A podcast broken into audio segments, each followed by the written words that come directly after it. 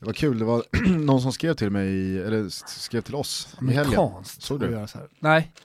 Någon, eh, det, det är ju den tiden på året va, som eh, lag i de svenska serierna åker ur, eller framförallt då går upp. Firar seriesegrar och divisionsuppflyttningar och så vidare. Så var det någon som skrev till oss som eh, är en del av ett lag i division 5 tror jag, som hade vunnit division 5 och gått upp i 4. Och så skrev han då uppflyttnings-Pepsi. Mm. Och så länkade han någon bild då till när de firade och sådär.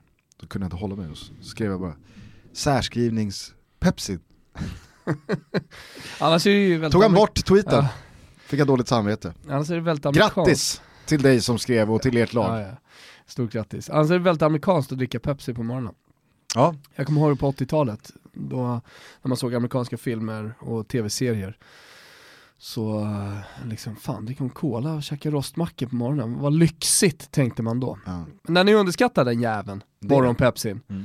ibland vill man bara ha det. Mm. Kolsyran, söta. Jag kommer ihåg när jag jobbade på Bromma som lastare och eh, det fanns... Alltså det är ditt enda jobb va? Nej. Som du har haft, alltså Nej, riktiga jobb. inte. Riktiga jobb. Verkligen inte. Men då fanns det en eh, kille som hette Loket. upp. Eh, och han körde då Singo, eller Han var fan- inte svag på att lasta väskor där, Loket. Helvete. han kunde lasta. Ja.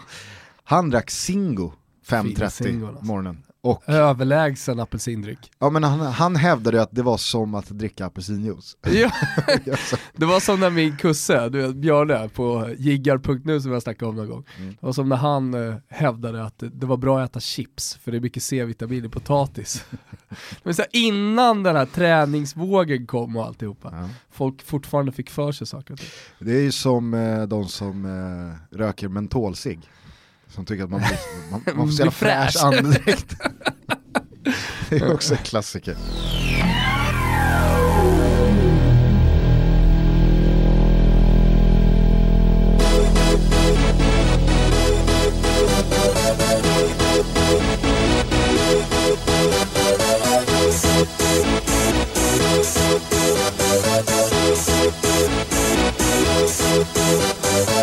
Y'all ready for this? Eh, hörni, välkomna till Toto Balutto. Vi spelade in ett avsnitt igår måndag, men eh, Skit i det nu. så, så dök det upp någon jävla vajsing på min Mac. Det var någon systemuppdatering som eh, Thomas trodde att han kunde parera, men datorn startade om sig och när eh, den kvicknade till igen så var avsnittet borta. Vilket var tråkigt för att vi kände att vi hade någonting bra i burken. Men det här är Toto Balutto, vi anpassar oss, vi spelar efter förutsättningarna och då kände vi att så här, ja ja, då får vi väl vänta in då kvällens eh, minst sagt eh, intressanta match på Ullevi mellan eh, Blåvitt och, och Ja. Djurgården. Och den blev ju liksom väldigt eh, het. Ja men verkligen, och, och jag menar Visserligen så blir väl Premier League lite mindre aktuellt idag, eh, eller liksom en, eh, en Juventus-match som spelades på lördagen. Men å andra sidan så är ju fotbollen så föränderlig och det är det som är så fint med en aktuell podcast som Toto Balotto. Mm. Då blir det någonting annat idag och eh, som, som du sa, alltså med tanke på hur mycket den här matchen mellan Djurgården och Göteborg diskuterades igår kväll och hur mycket den kommer att diskuteras framöver. Eh, jag menar, det, det fanns ju domslut där som folk hävdar kan avgöra i slutändan och sånt där. Så, så jag tycker att det är bra att ta ner lite känslor idag. Verkligen. Eh, vi tar ju dessutom vårt ansvar och spelar in det här early bird, klockan är inte ens åtta på morgonen. Men det här blir ju upp till superproducent Kimpa Wirsén för att han sitter ju på något jävla morgonpass i något jakttorn i, Ja. i skogarna. Han Tut- fått, äh, fått vittring på en kalv igår, älgkalv igår, så fick han inte skjuta den jäveln, så han satt där liksom med åtta gånger zoomen, ja, vad fan man nu har den, hjärtat eh, och fick inte knäppa av. Ni hör ju själva, i första hand så är Tutto en fotbollspodd, i andra hand är vi en hockeypodd, fina hockeytutto. I tredje hand är vi en jaktpodd, jakttutto. Jakten. Vill du ha ett svep? Ja, det behövs. Den här tiden på året börjar vi svepet hemma i Svedala. Gamla pittiga Svedala där rönnbären nu härsknat och snön faller kladdig över de deppiga dalarna. Där gryningen inte längre lovar glädje och rus utan mörkret satt sin kilklack i skrevet och bestämt att dyster är och framtiden. Där har nu FC Rosengård tagit tillbaka SM-bucklan från Piteå och Nathalie Björn, Anna Anvegård och kapten Caroline Seger bytte nog ut guldhattarna mot betongkeperna igår. Grattis säger Toto. Annars var ju detta helgen då vi för första gången i herrarnas allsvenska historia fick fram fyra lag på 59 poäng.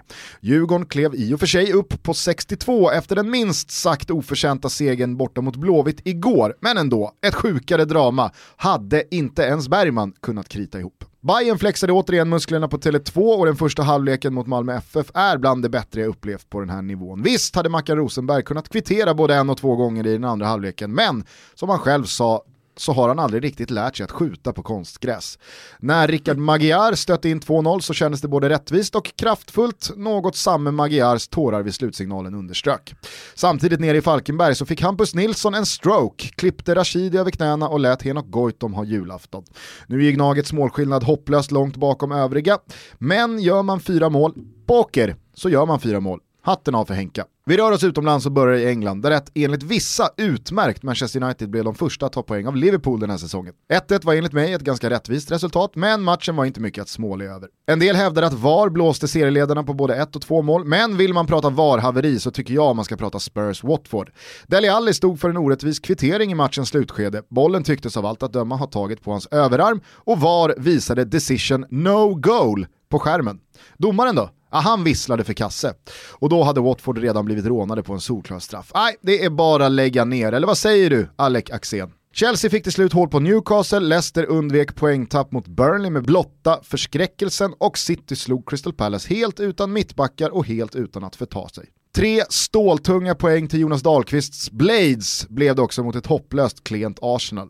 Nu får nog Emery ta och bestämma sig vad det egentligen är för lag han håller på att bygga. Donde está la cojone pendejo? I Serie A så tog Juve och Napoli en dag på jobbet-segrar, Inter lyckades med nöd, näppe och en fallskärmshoppare slå sitt bogeyteam Sassuolo och Lazio stod för en otrolig upphämtning av 0-3 till 3-3 mot Atalanta.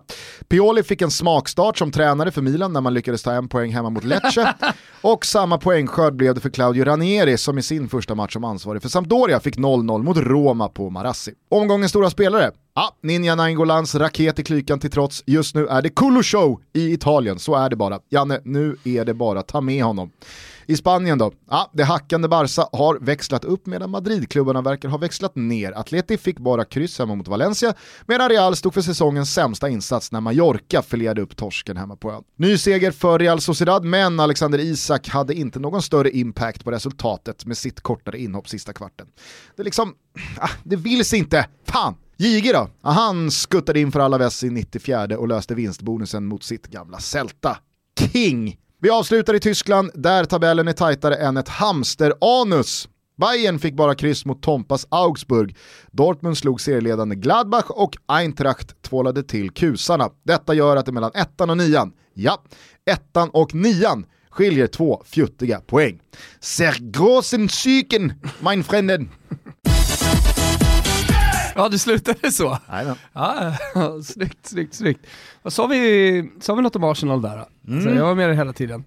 Donde está la det, cojone. Eh, pendejo? Och, och Nej, men du var förstår är vad jag menar. pungkulan? Nej men du förstår vad jag menar, att så här, Mm. nu får han ta och bestämma sig för vad det är för lag han håller på att bygga. Ja, definitivt. Alltså, ser man till till exempel Manchester City så saknas det ju liksom typiskt engelska Premier League-spelare, alltså fysiska, som spelar eh, ett rejält, eh, ordentligt närkampsspel och som kan lägga i liksom eh, blåställsväxeln. Mm. Men de klarar sig ändå för att det är ett väldigt skickligt fotbollslag som spelar en så pass teknisk och fartfylld och passningsinriktad fotboll att brunkarna inte häng- hänger med. Alltså så här, Crystal Palace i det här fallet, de hade inte en suck mot Manchester City. De hade kunnat spela om den här matchen hundra gånger och det hade slutat med en City-seger varje gång. Ja, men jag har sett eh, Ceballos så mycket, dels i Real Madrid men sen också som vi har varit inne på u i EM med Spanien och sen som med spanska landslaget. Så. Alltså jag, jag, jag, jag är verkligen imponerad av honom, jag tycker han är en fantastisk fotbollsspelare. Därför är det märkligt när en tränare som Una Emery, eh, som är från... Men du måste lära dig att han heter Unai Nej, Emery. det, det är olika det där beroende på spanska uttal. I Galicien, södra Galicien, där säger man Una. Eh, eh ja, eh, Ceballos, eh, märkligt när en spansk tränare inte får igång en så, en så spansk spelare om du förstår vad jag menar. Mm. Alltså så teknisk och, och ja, men precis allt det där, uppvuxen i en spansk akademi, har allting det i deluxe. tycker jag. Ja, och jag menar, alltså så här, spansk tränare, de värvar spelare därefter, alltså Mm. Ceballos, eh, Nicolas Pepe, nu är unga Saka inne i det, där finns redan Lacazette, Aubameyang, alltså spelarna man rabblar upp nu, det är inga råskinn, det är inga liksom, det, det, det, det är inga, Nej, men det är också köpta- spelare som ska gå in i Emerys lag. Ja, ja precis, men det är Så inga Troy, här, titta. exakt, det är inga Troy Deenis. Så att magic liksom. när man då bygger ett lag på det sättet, ja men då får man ju också förvänta sig att här ska det spelas en fotboll som gör att ett, eh, ett hungrigt men väldigt begränsat fotbollslag likt Sheffield United ska ju ha problem mot det här laget. Ja. Men så, så ser man de här 90 minuterna och visst, nu ska väl Pepe göra mål från 2,5 meter i första halvlek på eh, eh Kolasinac in, inlägg, men sen så är det ju, det är ett par skott utifrån. Ja, nej men han gör för lite skillnad. Sen så är det absolut inte så att han är sämst på plan igår, men, men alltså, han är ju värvad för att göra skillnad. Det här säger ju såklart någonting om Ja men hur nu pratar, svårt inte, nu det pratar inte jag om Ceballos Jag specifikt, förstår. utan jag pratar om Arsenal. Nej, ja, Pepe alltså- tänkte jag på. Ja eller Pepe, Ja. utan det är så här. Arsenal som lag mot Mm. ett så pass begränsat fotbollslag som Sheffield United, Mm. de visar ju inte upp någon klasskillnad. De får ju- iväg några skott utifrån, det är det man skapar Nej, men det, ungefär. kan, det kan ju ha varit för mycket rullians, alltså det har kommit in för mycket spelare som då inte har Premier League-erfarenhet. Alltså ibland brukar man ju prata om just det där att du kommer till en ny liga och du måste anpassa dig. Att det är det som är problemet för Arsenal, att man inte har spelare som ändå har hunnit anpassa sig, men som är köpta för jävligt mycket pengar. Eh, så man ställer väldigt höga krav för att man har stora förväntningar. I det här fallet Pepe till exempel, han är fortfarande en jävligt ung spelare. Eh, han har gjort nio matcher i eh, Premier League så här långt. Fan, det, det är ju betydligt betydligt mer erfarna spelare, betydligt eh, mer eh, etablerade spelare som, som liksom, det har tagit tid för tidigare också när man har bytt ligor oavsett vilket land man har hamnat i i slutändan. Så, så det, det är ju säkerligen alltså, någonting som kommer att bli bättre. Men å andra sidan så är Premier League 38 omgångar, nu har vi spelat 9 omgångar. Det, det, då, då får ju liksom den sportsliga ledningen eller eh, liksom ihop med tränarstab och sådär bestämma sig och, och kanske vara lite tydliga med det, att det här är ett långsiktigt projekt. Så jag känner inte riktigt det, att det kommuniceras på det sättet från Arsenal. Nu har Emre ändå varit där ett tag. Ja, ja, Och, och så här, ja hur länge ska man vänta? Det, det, fotboll handlar om resultat, i slutändan så är eh, spelets idé att vinna fotbollsmatcher. Och jag menar, vi pratar inte om några jävla division 2-projekt i enhörna liksom, som eh, liksom ska slussa in unga spelare och, och, liksom få dem att växa och så vidare. Utan, utan det här är fucking Arsenal. Det är liksom in varje säsong och vinna titlar, borde det vara. Nu har vi väl sett de senaste 20 åren att det inte riktigt är så, men, men du förstår vad jag menar. ja Alltså, vad framförallt fan ju- vill man? Vad vill man? Exakt, och framförallt så tillhör ju Arsenal den, alltså, den kategori av klubbar som också ska spela på ett visst sätt. Alltså toppklubbarna, de, de ska ju sätta en, ett DNA, en filosofi, the Arsenal way eller the, the Manchester City way eller Juventus way. Alltså, Arsenal way. nej, men det- alltså, så här- topplagen får ju inte vara lika föränderliga i sitt spelsätt som mittenklubbar eller bottenklubbar, alltså där man kan Nej men alltså, det ska finnas en identitet, Exakt. alltså när du tittar på laget så känner du så, mm, det där, gamla Ferguson United, absolut Pep Guardiolas alla lag. Ja. Eh, Liverpool med Klopp, eh, alltså det, det, Och det är är där Juventus för all del Och det är med där Max jag menar, Allegri vad, liksom. vad är Arsenal? Ja, vad, vad, vad, vad har de gett sig in på för väg? Mm. Vad är det för typ av lag? Mm. Jag vet inte, för att om de ska spela så här, ja, men då kommer det aldrig bli speciellt mycket bättre, för de är, det, det, det, är liksom, det är för dåligt. Och sen håller jag med dig, det finns eh, oerfarna unga spelare som såklart kommer bli bättre. Mm. Men Unai Emery har inte varit på jobbet sex veckor liksom. Ja men så här, Han- någonstans han så förväntar i- man sig en slutprodukt då på, på det långsiktiga projektet. När ska den komma? Alltså jag känner lite, lite samma sak med Manchester United. Nu har det varit mycket tränarbyten och man har haft rörigt så här. Men om det är så att man ska nedmontera ett lag, så som man tydligt har gjort och satsa då på unga egna talanger. Ja men fan var tydliga med då, när vinner vi titlar igen? För det måste ju ändå vara målsättningen även för Ed Woodward och, och gubbarna i den sportsliga ledningen. Alltså när, när ska Manchester United vinna nästa titel? När har, vi, när har United målsättningen i alla fall att kriga för att ta sig långt i Champions League? För det har man ju uppenbarligen inte nu. Nej. Jag, menar, jag, jag vet inte om du höll med min krönika efter matchen, du sa att någon tyckte det var utmärkt, det var väl en passning till Frida Fagerlund, så hon tyckte att det var, såg, såg jävligt bra ut, fan man ska kolla här nu, Manchester United. Ja, det var ett steg fram, jag håller absolut med om det. Men man kan inte bara liksom se massa ljus i att Daniel James egen produkt gör en bra säsong. Det kan man absolut se ljus i. Men om Manchester United har blivit begränsade till en klubb där supporterna ska vara glada över att en egen ung talang kommer upp och gör, gör liksom 7 plus bra på en 10-gradig skala, är man, då är man ju inte något annat än West Ham. Alltså då är man ju inte något annat än en mittenklubb. Jag som Fiorentina-supporter, jag kan ju glädjas över att Enrico Chiesa liksom börjar flyga och han är en egen produkt och han är Stor-Chiesas son och tänk om vi tar, kniper en Europa League-plats. Det är min verklighet som Fiorentina-supporter. Men så här, Manchester United-supporterna, har de också begränsats till att vara nöjda med att det finns egna produkter i laget som, som tar kliv liksom i sin utveckling? Det, det är för mig helt märkligt. Jag tror, jag tror inte att United, den breda United-publiken kommer komma dit, att man nöjer sig med det. Men det, man har ändå börjat snacka om det. Och så, så här, mellan Manchester United, när jag skriver krönikor som är så här, negativa så kommer det ändå upp så här, jo men titta här, jo jag ser det också, jag har skrivit krönikor om Daniel James också.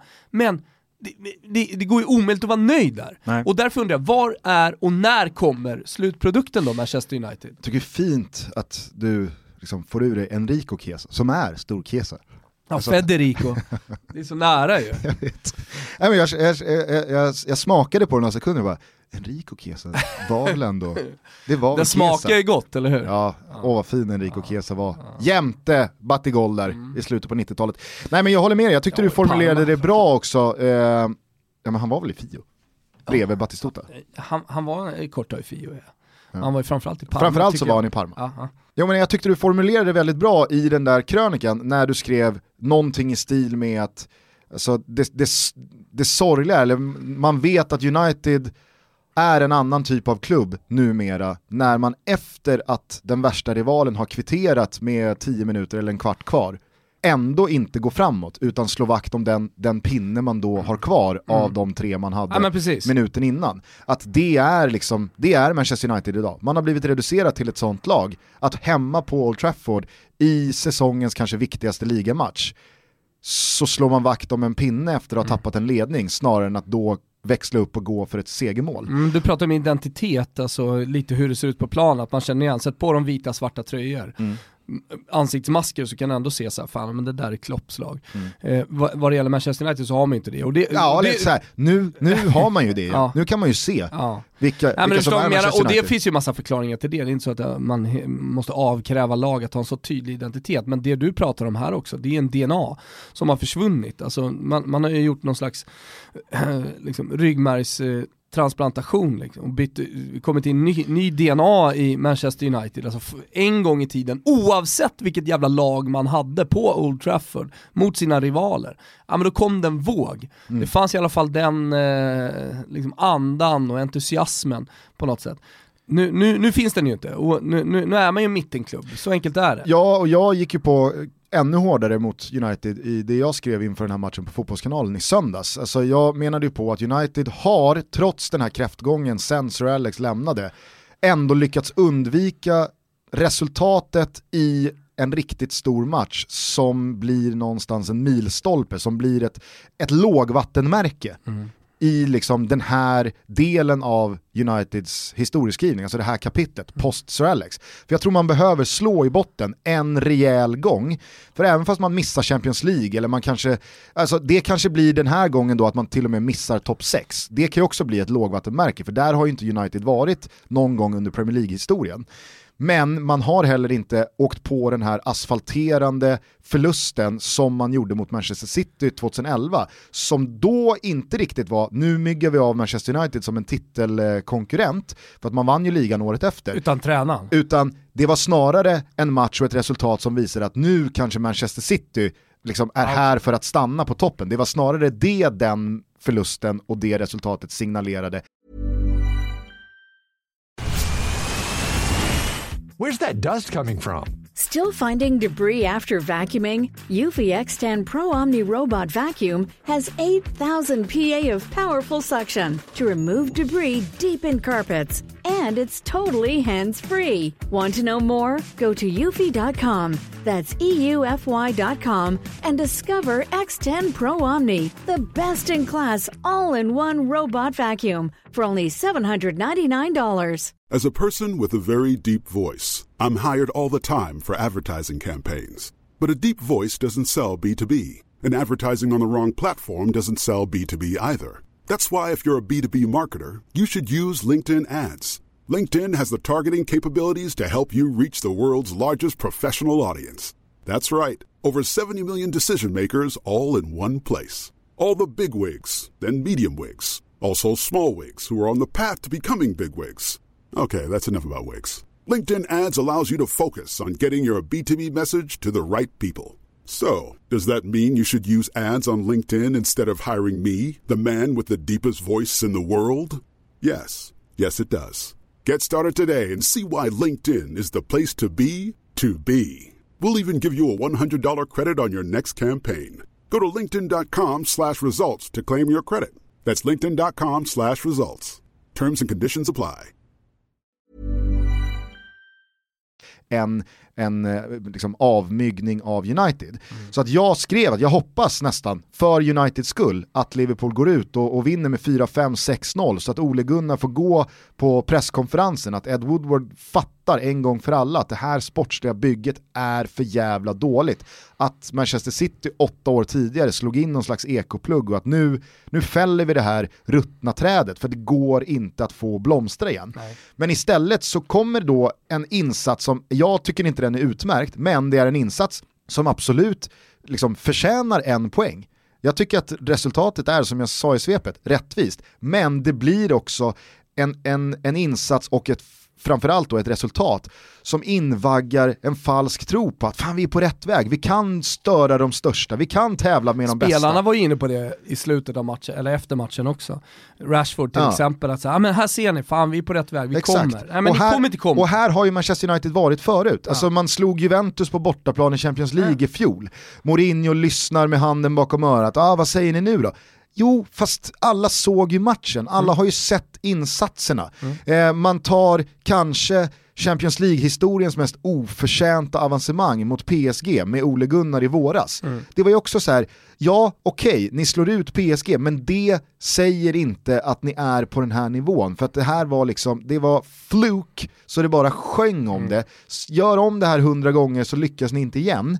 Och den här matchen, blir ju också lite så här, ska vi se till de första två och en halv månaderna? Mm. Eller ska vi se till 90 minuter vad Manchester United är mm. den här säsongen? Mm. Jag ja, tycker att det är rimligare benchmark att gå på hur hela säsongen har sett ut, snarare än att man lyckas ta en poäng mot ett Liverpool som saknar Mohamed Salah och som nog ändå i det tabelläget de är ändå nog är ganska nöjda med att undvika en förlust och, och jo, lämna Old Trafford med kryss. Och sen så fick man ju, eller fick man, man har ju fått under hela säsongsinledningen också känslan av att Liverpool puttrar på på trean. Här finns det både en och två växlar till att lägga i. Mm. Och vilket man kommer att göra i rätt läge på säsongen. Alltså Liverpool har ju blivit någonting annat nu, alltså de, de, de är en av de stora. Ja men och, och då ska jag bara säga, för att om nu Manchester United-supportrar, eller kanske rent av spelarna och klubben tror att ja men fan, ni ser, vi är ju bland de bästa, vi kan tävla med de största igen.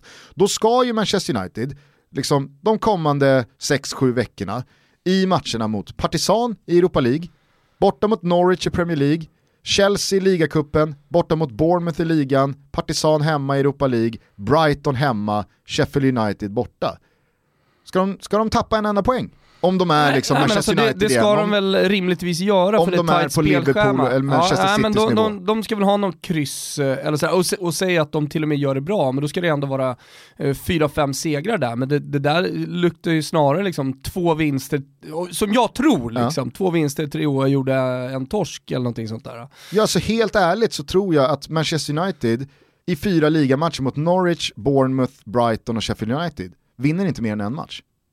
Nej, ja, jag, vet inte. Man men, åker ju ur ligacupen mot Chelsea. Men det kanske är 2-2, men, men det är inte mer än så. Alltså det, det, det är ett av de lite bättre mittenlagen, så är det. Ja, och, och, och då menar jag att så här, nej, det var inte ett utmärkt Manchester United och återigen så tror jag att man lurar sig själv genom att tro att vad fan vi lyckades ju ta en pinne av Liverpool. Vi kanske är på rätt väg. Det är inte på rätt väg.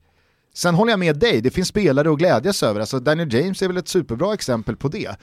Men Alltså man måste... Alltså ja men man, det, det, ska inte räcka. Nej, det ska och, inte räcka. Och det, och det, här blir bara konstgjord andning, man lurar sig själv mm. en, en gång. Mm. Eh, du, skitsamma, eh, vi kanske ska släppa England. Jag hörde att du nämnde Kulusevski, den är ju liksom solklar. Han har Mm. gjort flest assist i Serie A. Det var någon som skickade in statistiken att han har gjort fler poäng än hela Milans anfall. Det är ju bara lite lustigt, säger väl mest om, eller säger ju någonting om Kulusevski såklart, men jävligt mycket om Milan. Eh, Men nu fick de ju en smakstart här under Pioli. Ja, jag fick ändå 2-2 hemma mot pinne Lecce. hemma mot Lecce. Liver, Fabio Liverales, jävlar vad han har svällt upp som en ballong alltså. Men eh, eh, det var inte bara han som gjorde det bra, Svanberg startade som du såg, eller hur? Eh, och sen... eh, Ken Kasema blev Ken- väl Il Migliore. Il migliore in campo. Bäst på plan när Udinese vann Mm. 1-0. Så att eh, det, det, det går bra för eh, Serie A-svenskarna. Det Dock. noteras liksom att bortom Kulusevski, mm, och du tänker säga Ekdal bänk under Ranieri. Ja det kanske var en liten känning fanns, då. Men fanns ju säkerligen förklaringar till det. Det hade vi kunnat fråga Albin inför här, men, men eh, jag är helt övertygad om att han kommer att spela på det mittfältet. Eller, jag vet det. Ja, ja vad bra. Eh, men då kanske vi, eh, fa- fast jag måste ändå bara eh, fråga, vad, vad, vad hände där på Mapei när det alltså landar en fallskärmshoppare på plan när Inter har straff? Nej, det, det är precis det som händer. Jo men vad var det, var det någon var- liksom nej, så här, eh, var var, det bara ett prank eller Ja, fanns det någon liksom, fanns det Nej. något budskap? Jag eller? såg inget budskap, inte läst om budskapet efter heller. Det finns säkert någon notis. i- Eller kanske var det rent av liksom en nödlandning, han hade hoppat ur ett Nej, kraschande plan. väldigt, eller? jag, jag såg landningen, det såg ju väldigt kontrollerat ut. Även om det såg helt farligt ut, för att liksom, det är ganska liten, du måste vara rätt skicklig om du ska klara av det. Tänker jag som inte är någon fallskärmshoppare, men det gick rätt fort in liksom. Eh, så eh, det kanske, kanske gjorde för att han inte skulle ha säkerhetsvakter som stod och väntade på honom. Men, men liksom, han kom in från eh, kurvan, södra kurvan liksom och, och bara dånade ner. Uh, aldrig sett tidigare, inte på det sättet. Man har ju sett fallskärmshoppare krascha in på en fotbollsplan men, men så här, mitt under match och ja. Ja, väldigt konstigt också om det är helt utan... Såklart det fanns liksom slags budskap. budskap, men för fan ska du, ska du hoppa in på en arena med ett budskap, då ska du inte hoppa in på Sassuolo och Inter, lunchmatch i Serie A, det är liksom inte hela världens blickar på På sig. tal, på tal om roliga budskap i samband med då liksom, eh, fotboll, så det var väl några veckor sedan va, jag vet inte vad det var för dag, men det var ju alltså så här, Greta Thunbergs eh, liksom, budskap ledde ju till manifestationer eh, över hela världen under samma dag. Och i Italien så var det ju då många som gick i eh, ja, men, eh, olika eh, tåg och höll upp sina skyltar och då var det väl i Neapel någon som eh, hade gjort skylten eh, reducera utsläppen på samma sätt som Ancelotti har reducerat Husais speltid. Delikat och jävligt fint såklart. Jag tyckte jag. Det var väldigt fyndigt. Eh, men eh, vi, vi lämnar England och Italien då och rör oss hemåt till, till Sverige, för där händer det ju onekligen grejer va. Eh, jag såg att Disco Kristoffersson kallade Djurgårdens trea igår på Ullevi för ett rån. Kan inte ha annat än hålla med. Det var en klassisk smash and grab, så är det. Alltså, om ens det. Du menar att det var väpnat rån? Nej, men det alltså, var så här- liksom automatkarbiner, hit! Smash and grab är ju lite så här stå emot, stå emot, stå emot, Kan kontring. kan jag tänka mig att Dju- Djurgårdssupportrar då skulle åka därifrån, från Mm. Göteborg, som var ju väldigt många, att vissa liksom upplevde lite hit, eh, den klassiska skjutscenen när, när, de ska, när de ska fly med Val Kilmer! Fan man gillade Val Kilmer back in the days, han var sjuk va, Val Kilmer. Ja. Ja, eh, och sen så dök han bara upp något så här år senare och såg hur frisk ut som helst. Folk trodde typ att han dött. Så. Älskade Kilmer. Filmtutto. Film, filmtutto. Ja men han, var, han var ju någon slags John Travolta, ny John Travolta när han kom på. Ja. Ja, ja. Jag, jag, tycker att en, en smash and grab, det, det personifieras ju ofta av att man står emot, står emot, står emot, sen i 87 så blir det någon kontring och så gör man liksom ett Ah. regelrätt mål. Det här var ju snarare ett resultat som präglades av domslut som blir helt ja. jävla fel. Och jag vill initialt bara lyfta på hatten för domare Kristoffer Karlsson och hans intervju efteråt med Olof Lund. Jag tycker att han är rakryggad, han är liksom eh, påverkad på ett så jävla liksom, fint och mänskligt sätt. Han är jävligt ödmjuk och jag, jag tycker att han, han, han säger det liksom, jag tror att väldigt många som då påverkas negativt av de här domsluten ville höra ändå. Att, Jag tycker ändå han får lite för mycket positiv cred. Ja det är jättebra Ja, att han står upp där, men han har, han har gjort en domslutet- jävla kass match. Det är ju det som ska hamna i fokus här vad det gäller hans del. Alltså hade det här hänt i Italien, då hade han ju inte dömt på en månad. Alltså då, då, då plockar man bort, nu finns det ju inte så eh, liksom, bred, eh, spetsig, stor domarkår i Sverige. Men ja, jättebra, men alltså lägg ner kung och kungakronor och grejer. Alltså, det, här, det här, det är liksom, sätt en clown bredvid, så här, sorry man, det var dåligt. Men bra att du ställer och ändå tar det. Nu går vi vidare. Ja, nej, men det, det är jag den första att skriva under på. Att, Ja. alltså, så här, insatsen är ju för jävla risig. Ja. Sen så kan jag ju tycka att offsiderna, ja, det, där är ju linjemannen som ska hängas. Definitivt. Alltså, där kan Kristoffer Karlsson måste ju lita på Mm. sin assisterande ute på linjen att okej, då var det väl inte offside. Bra. Eller så var det offside och då dömer jag som det blir med Vibe då i första halvlek. Sen så är det ju, herregud, alla ser väl på Tommy Vaios insats att han ser flaggan och står och liksom vispar till något högerben Mm. när Vibe avslutar. Så jag tror inte att det hade blivit mål ändå där. Men Kanske. straffen fattar jag inte hur man kan missa. Nej, det är är ju så solklar. Nej. Och det sker i ett läge då det är väl liksom timmen spelad och det är 0-0 och Mm. 1-0 där så har jag väldigt svårt att se Djurgården vinna den där matchen. Nu vinner man ju och jag gick ut i, i söndags efter Bayerns eh, seger mot Malmö och, och hävdade att eh, Bayern då var i pole, vilket jag har inga problem att stå för, men det var ju då, för jag trodde inte, jag, jag såg framför mig det vi fick se igår, ett Djurgården som skulle ha problem mot eh, Blåvitt. Jag kunde absolut inte tänka mig att det skulle vara så dåligt, för att Djurgårdens insats spelmässigt fram till 1-0, alltså det, det är... På tal om att liksom så här, sätt på eh, svarta och vita tröjor på två lag. Alltså om, om man hade satt på neutrala färger på lagen och så hade man frågat, ja, vilket lag leder serien tror du efter 27,5 spelad eh, match? Då hade man inte pekat på den Nej. färgen som, som Djurgården då hade Nej. haft på sig. Nej, och sen, sen ska man ju säga, alltså, det, är en, det är en jämnare allsvenska än man tror. Alltså, det, det, alltså, även om Djurgården leder serien så leder man inte serien efter att ha dominerat i 27 omgångar. Alltså, man leder serien på grund av andra anledningar, alltså, så här, smart taktiskt. Alltså, det, det, det, Djurgårdens DNA är inte att mot topplagen eller att åka till Göteborg och, och total dominera matchen. Alltså, det, det ska man ju också komma ihåg. Liksom. Fan, det här är en av de svåraste bortamatcherna. Man, man, om man möter ett taggat Göteborg, det visste man ju inte heller innan. Hur är motivationen? Vad kommer Göteborg in med för inställning? Uppenbarligen då så vill man vinna den här matchen. Och jag tycker att man gör en jävla superinsats. Men, eh, alltså, på det sättet, allsvenskan är, funkar inte så. Är du topplag så dominerar du alla matcher. Det, det, det är inte liksom. Nej, Nej och, jag, och jag tycker att eh, liksom så här, Djurgården behöver heller inte i ett större perspektiv hålla på och be om ursäkt för den där insatsen. Det handlar om att ta tre poäng. Nu gör man det, förvisso med lite liksom, eh, do- domslut på sin sida, men det har nog hänt de flesta. Sen inte- så tycker jag att det, alltså, så Djurgården kan ju inte rå för det. Eller? Nej, nej, men jag tycker att det, så så här, det, det blir också lite, när, när, när man klarar sig undan en sån straff också, det var ju någonting, det var någonting som inte smakade helt rätt i munnen, såg du presskonferensen efteråt? Där, när Kim Bergstrand då liksom slashar Göteborgs sätt att försvara sig på hörnor, för man får inte gnälla att det är en solklar offside. Det är ju en solklar offside. Sen så kan jag liksom så här, jag kan ju förstå Det som gör den mer solklar är att han står stilla. Så Ja. det är lättare att se, det sker Ja, inte i, i 100 km i Nej timmen. men jag kan ju förstå Kim Bergstrand då som säger till Poyas att alltså, ska vi hålla på och gnälla om det? Nej det är jävligt lågt. Eh, lär er försvara på hörnor istället. Visst, Göteborg kan göra det mycket bättre Lite i så sitt här försvar. översittande ju mot en yngre tränare, alltså det, det, det är så jag tänker när jag ser det. Ja och jag tycker också med då, eh, liksom, i synnerhet då straffbeslutet eh, liksom, i sin ringhörna också. Kanske lite mjukare i nacken. Ja. Jag vet inte.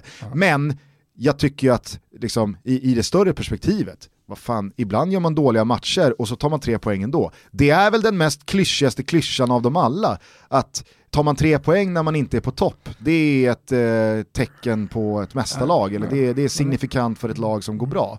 Så Nej att, men, eh, och jag menar så är det någonting som jag tycker präglar Djurgårdens serieledning efter 28 omgångar så är det ju definitivt att man har en jävla moral i truppen. Alltså alla de här vinsterna man har tagit, poängen man har plockat liksom med 20 minuter kvar. Mm. När det har stått, inte ovägt, men Djurgården kanske har haft eh, dominansen.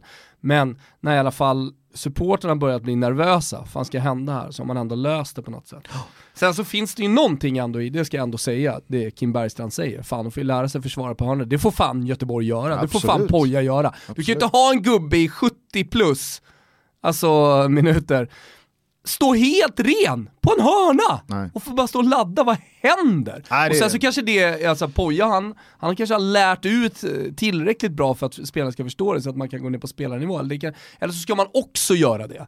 Men att släppa Buya Turay, av alla, helt ren på en hörna, stå och ladda i straffområdet. Det är liksom sådana grejer som jag säger till mina tjejer. Det är liksom femman som springer och, och tittar boll och går på boll otroligt. Ja, jag tycker i alla fall att eh, liksom så här, nu tar Djurgården tre poäng och det är, ett, eh, det är ett gammalt klassiskt kännetecken för ett mästarlag att man vinner ändå även fast man inte är på topp. Sen så är det ju såklart ett rån och det är smash and grab och det är oförtjänt, alltså så här, sett till matchen, prestationen, domsluten har vi redan varit inne på. Ah, det, var, det var en mycket, mycket märklig fördelning av poängen. Men det här gör ju såklart då att Djurgården är tillbaka i pole, för det var ju det här jag tog med i min liksom, i min bedömning av vilka som egentligen är i pole position, för att när Bayern hade tre matcher kvar så var det ju Malmö-matchen som var deras stora hinder. Mm. Jag är tämligen övertygad om att de kommer ta sex poäng på de här två återstående matcherna, Östersund borta och sen Häcken hemma.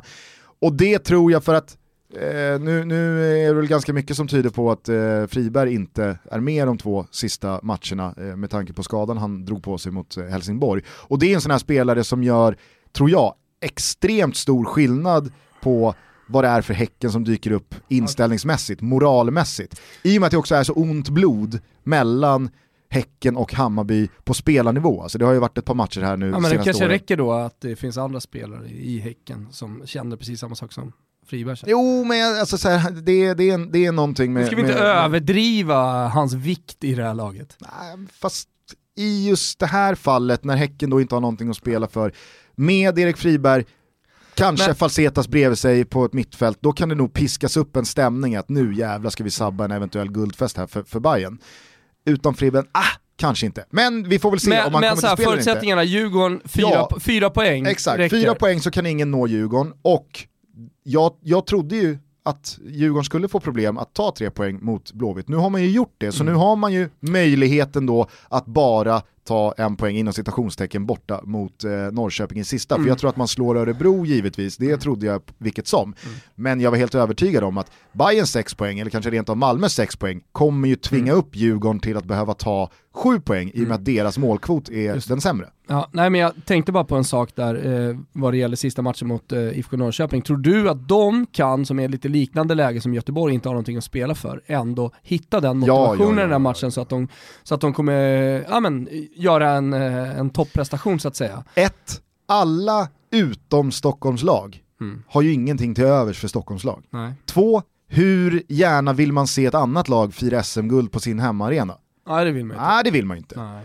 Och jag menar tre, IFK Norrköping är ju så pass bra, det är inte så att de kan, likt ett lag som Häcken eller IFK Göteborg, kanske man ska räkna in där också, eller Elfsborg eller eh, ah, sen så börjar det väl sina, med lag som då har en högsta nivå men den dyker inte alltid upp. Alltså jag tycker att IFK Norrköping, i synnerhet hemma på Östgötaporten, mm. har visat i flera år nu att de håller en jävligt hög nivå. Det är sällan det kommer en halvdan insats och i ett sånt här läge, när jag tror att det för deras skull inte spelar så stor roll om det är Djurgården eller om det är Malmö eller om det är Hammarby som vinner SM-guld, så är det nog betydligt mycket roligare att sabba guld guldfesten. Vi får se om det jämnar ut sig då vad det lider. Kamratmöte 1, avklarat för Djurgården. Nu väntar sista kamratfinalen. Mm. Ja, nej men nu är Simon Tern tillbaka också. Eh, det gläder mig.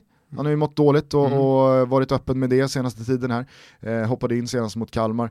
Nej, så att, eh, med, med Haksabanovic i den formen han är och med, med alltså, spelarna de har, jag tycker att Norrköping är, alltså, de är ju jätte, jättebra. Guden. Och herregud, så som Djurgården såg ut igår, jag håller ju Norrköping på bortaplan mm. som... Men en pinne ska de klara.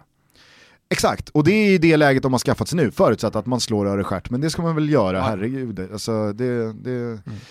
det höll ju till och med Elfsborg på att göra igår. Så att, eh, då, då, ska väl Djurgården klara av det också. Men det blir ju en ruggigt intressant match eh, på söndag, är det väl va? Eller är det måndag? Jag vet inte, men i då 29 omgången eh, Malmö-AIK. Ja. Med tanke på då att Malmö ska åka till Schweiz och spela Lugano borta i Europa League torsdag kväll. AIK kan smyga med för att man har räknat ut dem sedan några veckor tillbaka. De kan åka dit och verkligen ha liksom, kanske inte allt att vinna för att en fjärde plats som det då blir vid förlust, något annat är ju helt otänkbart. Mm. Det är ju en katastrof för mm. AIK. Men jag tror att AIK måste ju vinna mot Malmö för att ett, ha chansen på guldet, två, kanske till och med ha chansen på topp tre. Mm. Och jag tänker, alltså så här, jag, jag håller inte AIK som favoriter borta mot Malmö FF, herregud. Men vad händer om AIK gör första målet? Det är väl fullt rimligt att ett regerande mästarna, stora, tunga, stygga AIK gör 1-0. de är ju förmodligen fortfarande bäst i Sverige på att bevaka en ledning. Eh, så att, Framförallt så har man kommit tillbaka till det, att man är bättre nu igen. Och sen Precis. hade man en svacka ett tag. och så Malmö kanske lite tunga ben då efter Say hello to a new era of mental health care. Cerebral is here to help you achieve your mental wellness goals with professional therapy and medication management support. 100% online. You'll experience the all new Cerebral Way, an innovative approach to mental wellness designed around you. You'll get a personalized treatment plan from a therapist, prescriber, or both in a safe and judgment free space. Your cerebral therapist or prescriber will outline a customized plan with clear milestones along the way so you can get to feeling your best. With Cerebral, you're not alone in your mental health journey. We're here to empower you to live a fulfilling life. So take that first step towards a brighter future and sign up today at cerebral.com slash podcast and use code ACAST to get 15% off your first month. Offer only valid on monthly plans. Other exclusions may apply. Offer ends July 31st, 2024. See site for details. en bortamatch i Europa League, eh, man har pressen på sin sida, man måste vinna, det passar nog AIK. Alltså så här, får AIK första målet, då kommer nog fan Malmö FF fyra. Nej, jag menar, fr- framförallt så riskerar man, alltså det är två klubbar, det är det som är så spännande med det mötet. Alltså gu- guldstriden äter, så jag tror att det handlar om Djurgården eller Hammarby alldeles oavsett.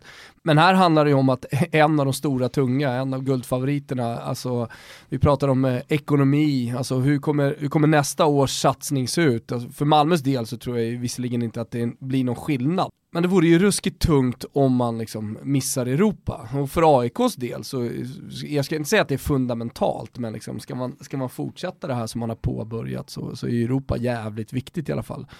Så, och när det handlar om att locka spelare så eh, kan det ibland, i slutändan i alla fall, vara så att ett Europa-kval eh, räcker för att liksom, man ska vinna i konkurrens med andra klubbar. Som, den, den är ju stentuff. Kan väl säga så här att det kommer ju bli en högintressant Svenska Cup i vår. Ja det kommer det bli. Med tanke på de lagen som ja, kommer missa topp tre. Ja. Där måste vi räkna in då Malmö, AIK eller Bayern. Norrköping kommer inte sluta topp tre. Göteborg vill säkert göra anspråk på en Europaplats. Häcken vill säkert göra anspråk på en Europaplats. Alltså det kan bli en... Har Häcken lite gjort sitt i Europa? kanske. kanske. Nej men eh, jag, jag, eh, jag, jag, jag håller med dig att det, det, det blir ju, alltså insatserna blir ju så höga Ja. På alla sätt i hur de här eh, slutplaceringarna ska, ska fördelas. Och så har vi en bottenstrid också som, som är tillspetsad. men jag måste, Utav bara, helvete. jag måste bara komma till det när det kommer till Bayern. Igår satt vi ju eh, i avsnittet vi spelade in då och ja, men dels hyllade Hammarby för sättet de spelar fotboll. Jag sa det i svepet, jag var Ja. fruktansvärt imponerad av Bayerns första halvlek mot Malmö FF. Jag tycker att det är, alltså de, de, de drar ner byxorna på, på MFF och, och spelar en kombinationsfotboll som Nej, det är outstanding alltså.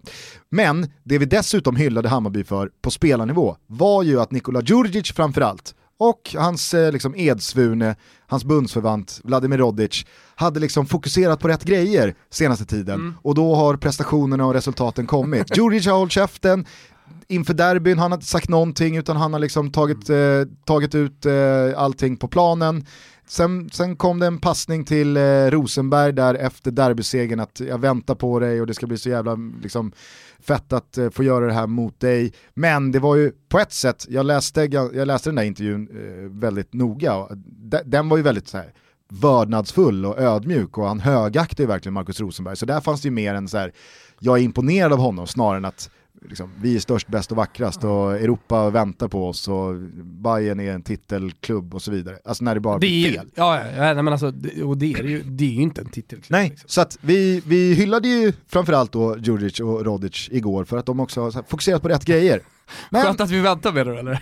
nej men då blev det ju, då, alltså så här, dels så går de ju ut och säger att nej, Djurgården kommer kissa ner sig, Ja det var väl Djurdjic eh, Ja. som sa. och sen så tog Rodic på sig en blåvit tröja Ja. och gick ut på byn, kolla Yes. matchen. Och det är så här, va- varför? Ja. Liksom, var, varför, ge, varför ge det chansen? Om det nu blir så att IFK Göteborg tar poäng eller rent av slår Djurgården, så är väl alla jättenöjda ändå. Då ja, behöver- exakt, då exakt. behöver man liksom- Men om, alltså så här- om, om Ja. Djurgården skulle vinna, Så har då blir man, det ju väldigt fel. då har man stuckit dit lillfingret igen och så låter man Djurgården och alla andra ta hela handen igen. Att Djurgården kissade inte ner sig. Nu går det väl att argumentera för att de kanske gjorde det spelmässigt, men de lämnar Götet med tre poäng. Fast nej, det gjorde de inte. Alltså Två- pissa ner sig det är när man åker och torskar. Två, Rodic sitter, där. Rodic sitter där i liksom en rivals matchtröja. Ja, men vad händer efter matchen när han ska gå därifrån? För det såg inte ut som att han hade den över någon tröja. Ja, då ska han pipa hem i, i den där Göteborgströjan. Alltså, Fan, det gick ju så bra för er när ni, ni höll käften och fokade på rätt grejer. Ja. Sen var jag ute och liksom, ja, de har ju jinxat bort där. ja, nej det nej, vad synd. Ja. Eh, nej, men, och, och som du är inne på, bottenstriden blir ju Ja. fruktansvärt intressant också, även toppstriden i uh, Superettan. Bottenstriden i Superettan också. Vilka åker? Blir det Syrianska som fullbordar misären i Södertälje? Vad menar du? Nej men jag såg ju, det var ju roligt på Twitter, jag såg någon tweet, eh, en vecka sedan kanske?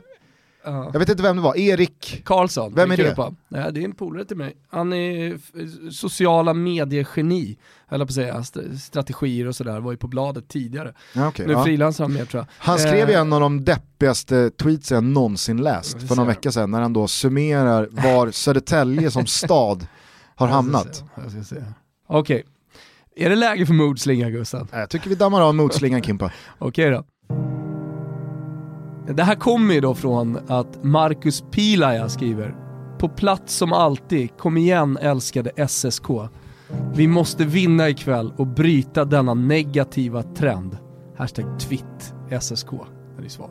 Eh, Okej, då skriver subtweetar Erik Karlsson, skriver så här. Tänker ofta på Södertälje som en stad som dör. Under tusen pers för första gången någonsin på en SSK-match. Utbredd matchfixing i hela fotbollstälje. Polis och politiker stängde ner allt krogliv för att stoppa gäng. En stad så grå att ingen journalist ens orkar berätta om den. Nej, det är så- Det är så jävla mörkt alltså. Vad är det Filip Hammar brukar säga? Nattsvart. Detta är nattsvart alltså. Fina Tälje. Det är ändå min stad. Ja. Alltså bor jag i Rönninge, förorten till Södertälje, är Södertälje ens en stad? Jo, jag vet ju att det per definition är det. Men, men för mig är det liksom en förort till Stockholm. Ja, men den de sitter vittrar ju liksom ihop sönder. Ja men den sitter Den- ihop i och med pendeltåget, är du Ja. med? Så, så att det har alltid varit sådär, och när jag var liten, i och med att jag bor bara 10 minuter ifrån Södertälje, så åkte man till JC Södertälje, man åkte inte till JC stan, alltså är du med? Men Eh, eh, jag, jag tror också att eh, just den här matchen som refereras till, det, den var liksom talande för, eh, alltså det, det blev ytterligare ett, ett mörkt kapitel. Nej vänta, vänta, vänta, vänta, vänta, vänta, jag måste se här. Ja, jag skriver ju så här också. Nej fan, låt det rulla bara. Hur gick det i matchen? Undrar Erik Karlsson. Jo, SSK gjorde sin absolut bästa match för säsongen. Låter ju Ja. ljust. Men kollapsade helt i matchens slutminuter och tappade 3-1 till 3-4. Och så läser jag det, han har, han har lagt in en bild. SSK utbuat och under kvalstrecket efter kollaps tappade allt. Nej fy fan. Nej, det, är, Aj, det, är, det är nattsvart i Tälje. Det kan jag väl konstatera. Du var ju och kollade deppiga Syriska för några veckor sedan. Det var ju i och för sig inte, nå- någonstans fanns det något ljust i, i den matchen, men okej jag fattar vad du säger. Så också någon som skickade in i uh, Toto Balotto, det är så jävla härligt när folk hör av sig hela tiden. Och man fortsätter göra det via mail, jag har fått skitmånga bra mail på slutet. Som vi ska, jag har ett som jag ska läsa upp men jag ska inte göra det idag, utan det, det kommer sen. Men i alla fall William, Amazing Arshavin, han gillar Arshavin, William. Eh, Han skriver, Syrianska stänger vilka har bäst tifogrupp? Diskussionen med detta mästerverk borta mot Öster i underläge 4-0.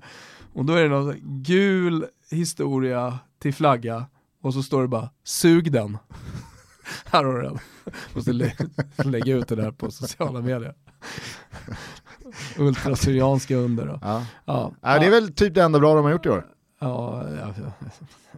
Bra bra, men ja. Ja. Nej men alltså så här, tyvärr så kommer vi behöva offra Syrianska för att Kjell Jonevrets stolta eh, BP ska klara sig kvar. Eh, så kan vi gärna skicka Frej också. För Öster vill man, alltså så här, om Öster åker ur, det är för mörkt. Nu råkade jag säga förlåt, det här är... Yes, no. one of my favorite videos of the entire internet is a guy smashing his own nuts by crossing his här var så jävla kul. Eh, ska, vi, ska vi eh, stänga Sverige eller? Har du någonting mer från eh, nå, nå intryck då Nej, från igår det- eller från den här Nej, men jag guldstriden? tycker, eller? jag tycker att vi, vi, vi stänger det. Det är bra, vi tar det vidare, det ska bli jävligt kul. Och- du, du, du tror på guld-Djurgården nu eller? Ja, definitivt. Ja. Ja, jag säger att de är i pole. Ja. Men jag kan abs- Du och din jävla pole. Fan vad hit du har fått på Twitter på slutet Gustav. Ja. Vad händer? Men, eh, alltså, Det komba. Det, Jag står emot.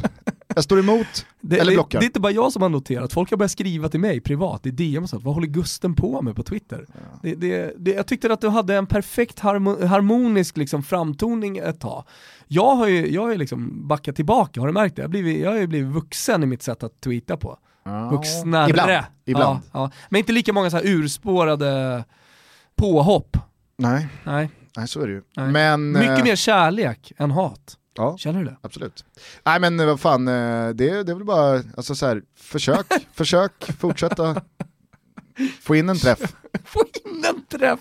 Men det går sällan. Du är ju 50-50 på rätt och fel. Du försöker ju alltid vara såhär, det, det, så här- det är också tydligt såhär, nu är jag spot on. Och när man är så så blir det väldigt så här, starkt ställningstagande. Boom! Jo men eh, Och Twitter är väl ibland inte, tycker så du här, missar. Twitter ska väl inte vara, Nej. vi om några gillar ju inte 1, X 2 tweetsen. Att det är roligt att finns an- hit här, Det finns andra som står för 1, X 2 Fina twittrandet. Det är, det är inte det jag sysslar med. Hur som helst så tycker jag att vi lämnar eh, guldstriden. Jag håller Djurgården i pole men jag kan absolut se Norrköping eh, vinna sista matchen. Och då kommer det inte bli guld för att eh, det, det, det kommer krävas minst fyra poäng av Djurgården de här sista två för guld. För jag kan inte se någonting annat än att, eh, om nu Malmö slår AIK, att de tar sex poäng, men jag tror att Bayern tar sex poäng alla dagar i veckan. Så att, eh, ja, du, jag jag fattat. Hörni, investera i ett simor abonnemang så kan man ju följa den här Finns det upplösningen. någon som inte har gjort det? Det finns det säkert. Det är faktiskt helt bisarrt om det, om det är på det sättet. Nej men investera i ett simor abonnemang för dels så får man ju då den allsvenska upplösningen som inte kan bli mer spännande än vad den är, men man får ju dessutom en jävla massa härlig fotboll. Cool show får man från Italien. Utlandet, ja man får ju El, Kenka man får ju El Trafico. Just det. Trafico. El Trafico säger man väl, i, i och med att det är USA. Ah, Okej då, El jag hade... Jag hade Trafico. El Trafico. Ja, El Trafico. Nej, El Trafico. Don- Får det bli såhär, Donde está el pendejo? Donde está la cocaína pendejo?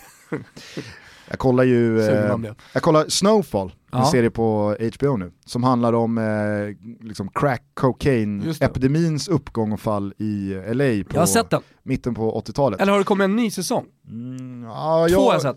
ja, trean är här. Oj oj oj.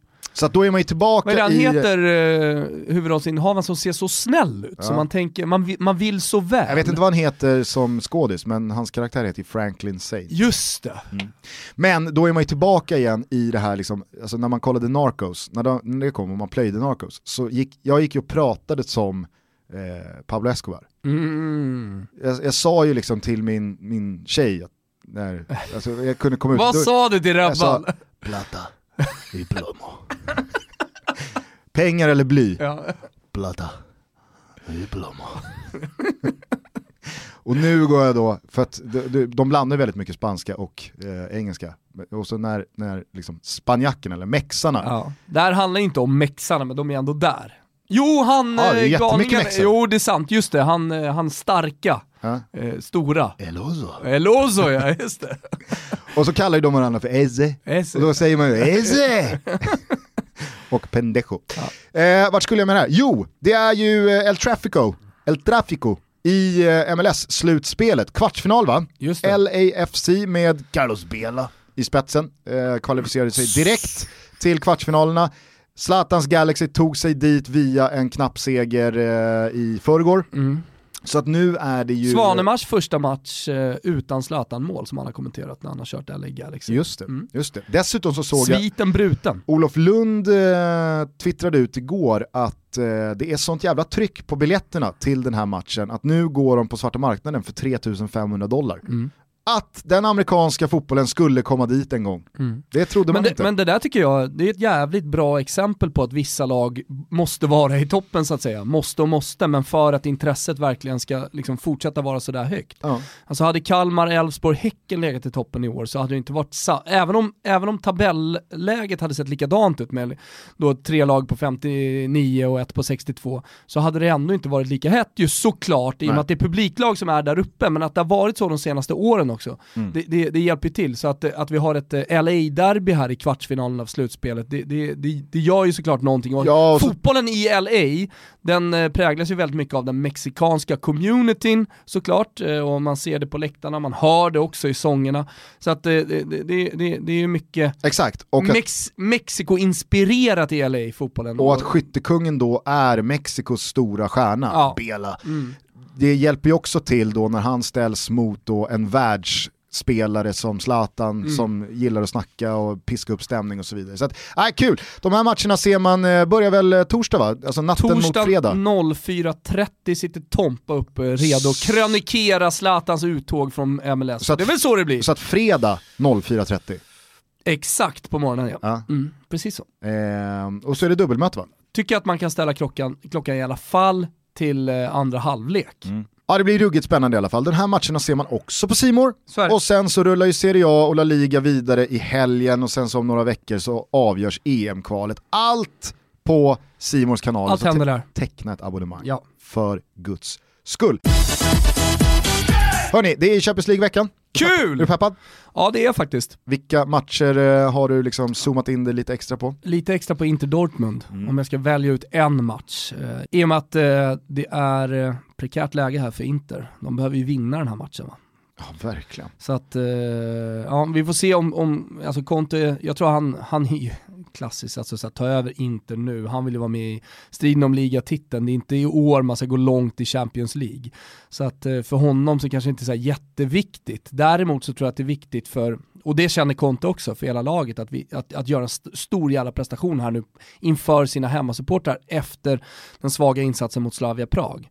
Ehm, och så följa upp då den fina matchen mot Barcelona eh, genom att liksom återigen stå för en stor prestation. Så att det, ja, det, ska, det ska bli intressant att se. Så jävla tråkigt att Stefano Sensi är skadad. Han Mm. som inledde så bra, så typiskt liksom att, eh, att liksom, succéspelaren, navet i laget ska, ska gå sönder. Och, Men eh, Dortmund, finns ju... och Dortmund är en obehaglig motståndare. Mm, ja. Alltså, jag, jag, jag tycker att man fortfarande tenderar att underskatta tyska lag när det Mm. kommer till Champions League. Alltså vi har ju pratat om det flera gånger och det är ju, alltså herregud, det har ju präglat Toto Balotto som podd i över tre år. Att den tyska fotbollen, den är så pass sval i liksom, intresset för den utanför Tysklands gränser att man viftar ibland bort den lite felaktigt. Men jag tycker att alltså, så, här, så som Dortmund såg ut mot Barcelona i första omgången, så som Bayern München körde över finalisterna från i våras, Tottenham i förra omgången. Alltså tyska lag är fan mig att- bättre än vad många tror. Alltså den sämsta fotbollen. uspen en fotboll kan ha, det är att det är rolig fotboll i landet, det spelas bra fotboll. Det är, det är liksom, av de stora usparna så är det ju den sämsta uspen. Ja. Alltså, finns, finns ju andra grejer som är betydligt viktigare. Historia, tradition, kultur eh, och framförallt då kultur i, i, i landet. Vi bor i Sverige, har gått från Premier League till att liksom bli lite Serie A. Eh, och, och så här. Det, det är lite samma med den spanska fotbollen bortom Real Madrid och Barcelona. Liksom man, det, det, att, det, att läktarkulturen är vad den är i Tyskland och att fotbollen är, bra, det, det räcker ju ingenstans. Nej, men jag såg, jag såg, Stora eh, spelare, där har du ju liksom kanske den absolut viktigaste. Jag såg eh, Dortmund mot eh, Gladbach i eh, lördags kväll och eh, jag, jag, jag trodde ju att Gladbach skulle få en väldigt jobbig säsong. Alltså deras, kanske inte gyllene generation, men de hade ju ett lag här och har haft det i, i två, tre säsonger som man tänkte att ja, men fan, de, här kan, de här kan nog uträtta någonting riktigt bra. Sen så har det börjat liksom eh, luckras upp, man släppte då Torgan Hazard till Dortmund, eh, men man har inlett den här säsongen jätteövertygande, ledde ju eh, liksom, i ensamt majestät fram till i lördags här. Och så tänker man att nu åker de till Västfallen och nu ska Dortmund visa vilka som bestämmer. Så visst, Dortmund vinner ju matchen med 1-0 och det är knappt, men Gladbach, alltså så här, vet, många spelare man inte riktigt har så här, superbra koll på, alltså, de är bra. Gladbach är riktigt Ja, bra och de pressar Dortmund på ett sätt som jag inte har sett något annat lag hittills Nej. har pressat Dortmund på. och då ska det laget åka till Inter eh, och San Siro, Milano, så, så tror jag att många tänker att ah, nu ska Conte och, och Inter visa vilken hög klass de besitter. Alltså de spelarna de får emot sig i det läget de är, för Dortmund står ju på fyra poäng och har ett ganska tacksamt utgångsläge i gruppen. Jag tror att det kan bli en otroligt bra match att följa. Alltså. Mm. Ja det, det, kan det absolut bli, men jag tänkte bara på det där med Uspar och att liksom ha de stora spelarna, idolerna som alla vill se. Alltså Lewandowski, vad har vi honom egentligen? Alltså vilka kids förutom polackerna och tyskarna springer omkring med Lewandowski-tröjor? Ja, det, det, ser man ju aldrig. Och, och då pratar vi ändå om Champions Leagues eh, fjärde bästa målskytt genom tiderna, femte. Aj, alltså han är så jävla bra Lewandowski. Han står på samma antal mål som eh, Rod van Nistelrooy, kommer såklart gå om. Eh, han har ju Benzema såklart framför sig. Jag tror han är 56 då, som eh, och Benzema har gjort 60. Han kommer väl hinna förbi Raúl? Jag vet inte. Jo, men det kommer han göra. Ja. Det kommer han göra. 15 äh, mål till har han alltså, alltså göra mål i Champions League, det är ingenting som bara kommer, det är inte lika spelet, förstår du? Ja, alltså, det... säg inte det när det kommer till Lewandowski, för är det någonting Lewandowski kan så är det ju att bygga en målskörd på Allians hemma mot de lite mindre eh, bra lagen. Mm. Det har ju han, och, och kanske är det just därför som många inte så, eh, sållar Lewandowski till de absolut bästa eller de man nämner alltså, först. Jag tror man gör det om man nu pratar om spelarna, men kolla bara på den här podcasten, hur många vi har, äh, gäster vi har haft här som fått frågan vem är bäst efter Messi och Ronaldo? Där ingen, jag tror fan ingen har svarat Lewandowski. Jag tror ingen ens har tänkt Lewandowski. Nej men du ser, mm. alltså det, vi, vi har ju något här va, det är en underskattad spelare. Väldigt underskattad. Och man kan prata om en underskattad spelare även om han liksom nämns, nämns ibland bland de bästa. Mm. Men eh, i, och med så här, om man tolkar hans roll som nummer nio, utpräglad nummer nio, mm. och sen så börjar man kolla i historien, liksom, vad har vi haft för utpräglad nummer nio? Alltså jag säger inte att han är bäst, långt ifrån.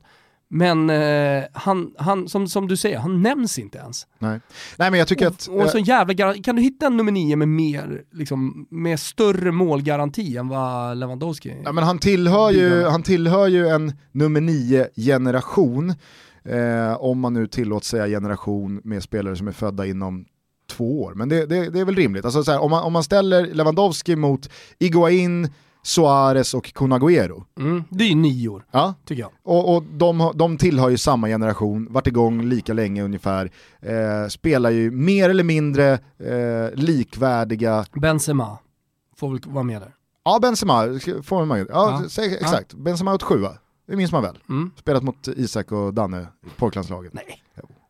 Jävla lag de hade. Benzema, Hatem Ben Arfa, Samir Nasri, Alltså otroligt. Och så, du vet. och så Isak Dahlin från så, Spånga och, och Danne Larsson från Hisingen. Benzema sprang in i mittlåset, Isak Dahlin Spånga, Erik Tengroth Öster. Och så direkt efter matchen så åkte Isak hem till Vällingby, drog på sig Spånga-stället och klev in i division 2. Precis så. Precis så. Ja. Nej men eh, de fem är ju verkligen en generation av nior, där jag tycker faktiskt, och det, nu är väl kanske lite Benzema emot, men det var nog för att hans ja, men säsonger, eh, liksom, från typ 2013 till 2016-17 var så väldigt svaga jämfört med liksom den yttersta världseliten. Tycker jag i alla fall. Tyckte ju Mourinho också.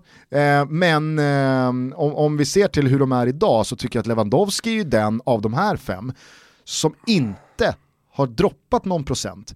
Men, det, men, men, men man har gått och väntat på det. Alltså, både Bayern München i allmänhet Eh, och kanske Lewandowski då som personifierande spelare i Bayern München. Vi har ju suttit här med Pöle flera gånger och pratat om att ja, men Bayern München känns gamla, det känns som att nu kommer de ha gått ner sig ytterligare någon procent och de kommer ha tappat i, i tävlingen mot de absolut största lagen. Och det kanske de har gjort som lag, absolut. Men Lewandowski har fan motbevisat den hela tiden. Nu, fan vet om inte Lewandowski är bättre än någonsin. Mm. Alltså, han har ju inlett den här säsongen något brutalt och han är så jävla fin i alla delar mm. av spelet som nia. Och när man då ställer honom mot Iguain, Suarez, Conaguero, Benzema så tror jag att alla nog kan tillstå att ingen av dem är på toppen av sin karriär Nej. nu. Men det är nog fan Lewandowski.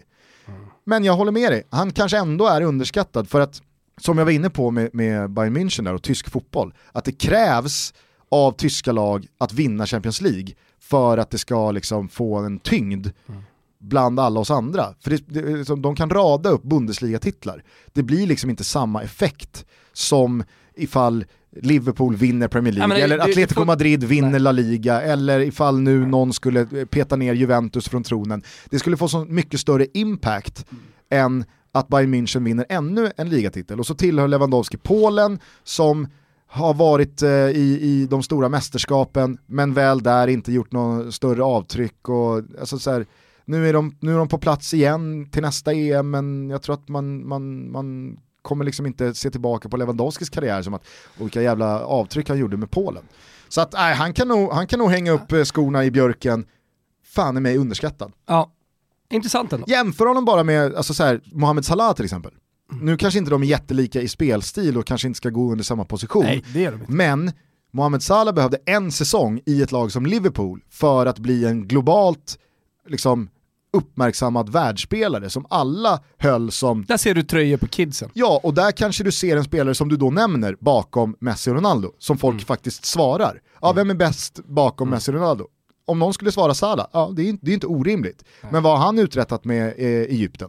Ingenting. Cazzo! Nej, men han har tagit eh, Egypten till ett VM, men that's it. Och väl där så var det ju inte Nej, men jag- mycket jag är- att, hänga i granen. Ja, ja. Sen har han en Champions League-titel med Liverpool, men jag menar, så utöver det, Ja, men ställ, han vill- hans, meri- Levan- Lewandowski ställ hans meriter väl- mot Lewandowski, så är det Lewandowski, ingenting. nej, nej, alltså Lewandowski vinner väl den kvalskytteligan varje jävla säsong som Polen ställer upp i något kval. Ja, och han är, han är topp tre skytteligan i Champions League år efter år. Mm. För att han öser in. Men, men han har heller inte, jag kommer ihåg att han gjorde fyra mål mot Real Madrid i semifinalen, men då tillhörde han Dortmund.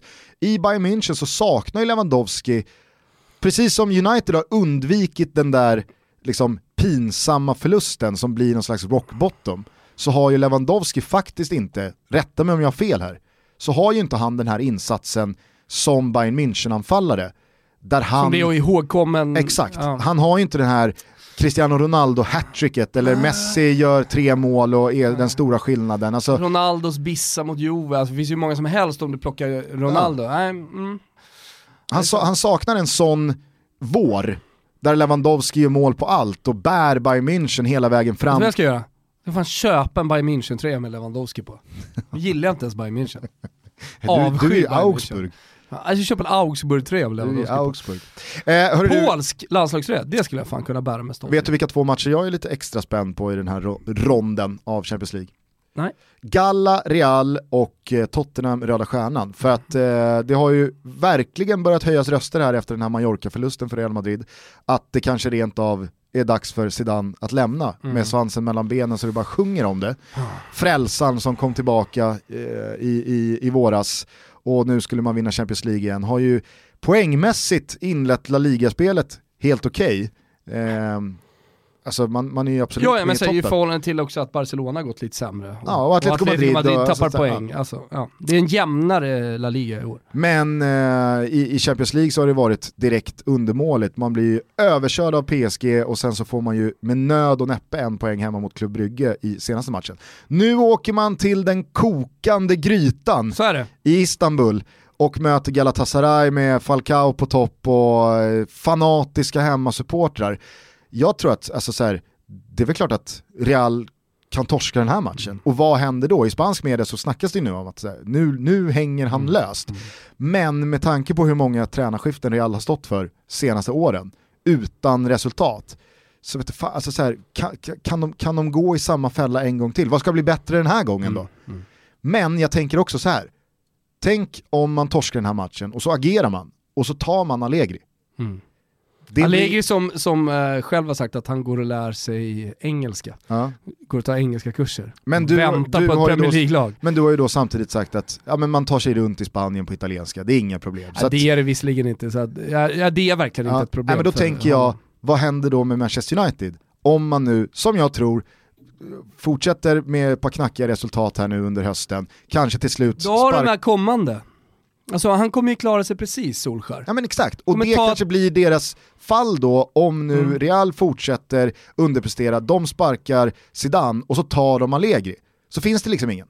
Eller då kanske eh, United ska ta Zidane, men jag tror snarare att då blir ju den här sessionen för Zidane i Real Madrid lite varningsklockor. Är Zidane verkligen rätt häst att satsa på? Var han en så fantastisk tränare eller var det verkligen Cristiano Ronaldo som pikar i två år med ett fantastiskt lag bakom sig som är hungriga på eh, Champions League-titlarna? För det ska man komma ihåg, man vinner ju inte ligan Eh, man är inte nära att, att ta Barca i ligan de sista säsongerna med eh, Zidane här. Eh, utan man gör det riktigt bra som ett kupplag.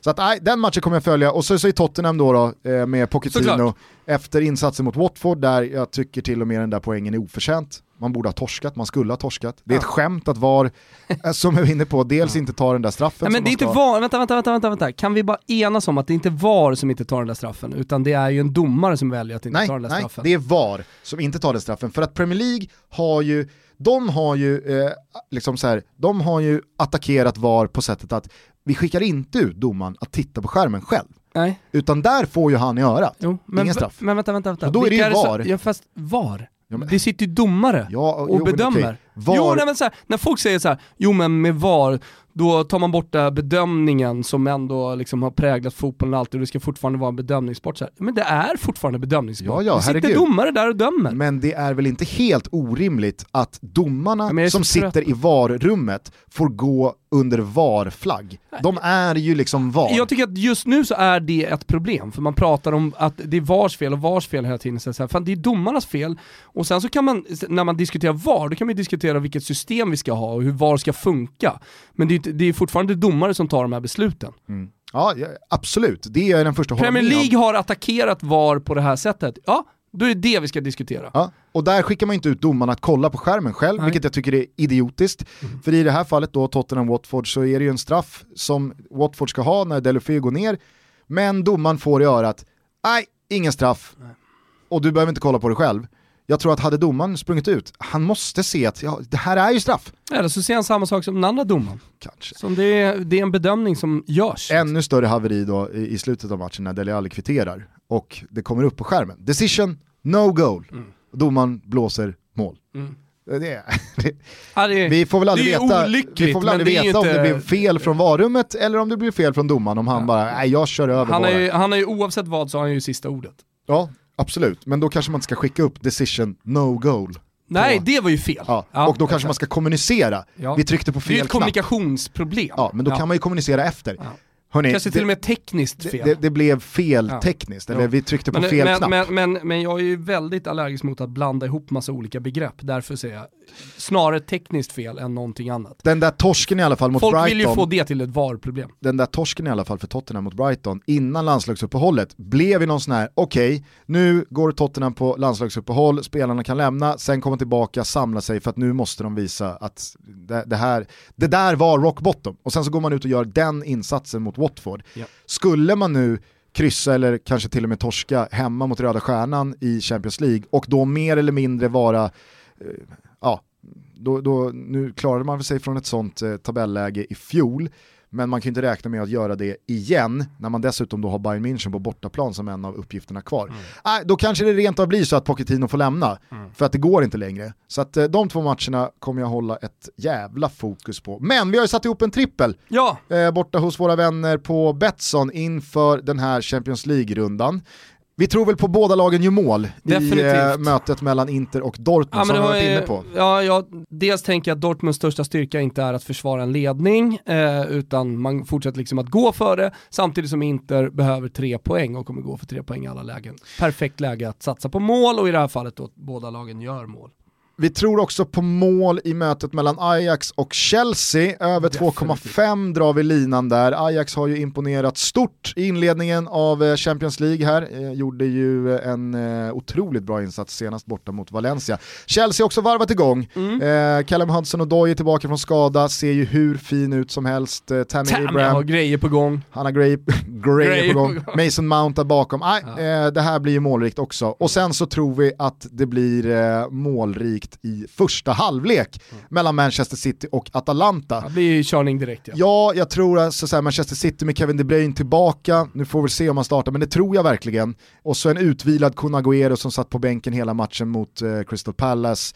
Sterling eh, gjorde ett par hårresande missar i samma match här nu, han vill eh, in i målskyttet igen. Det kommer att, smattra lika mycket som i hit. Ja, och Atalanta, herregud, det vet väl du, De är bättre på att göra mål än att försvara sig mot mål. Definitivt. Moriel glödhet som vi har i vårt långtidsspel också.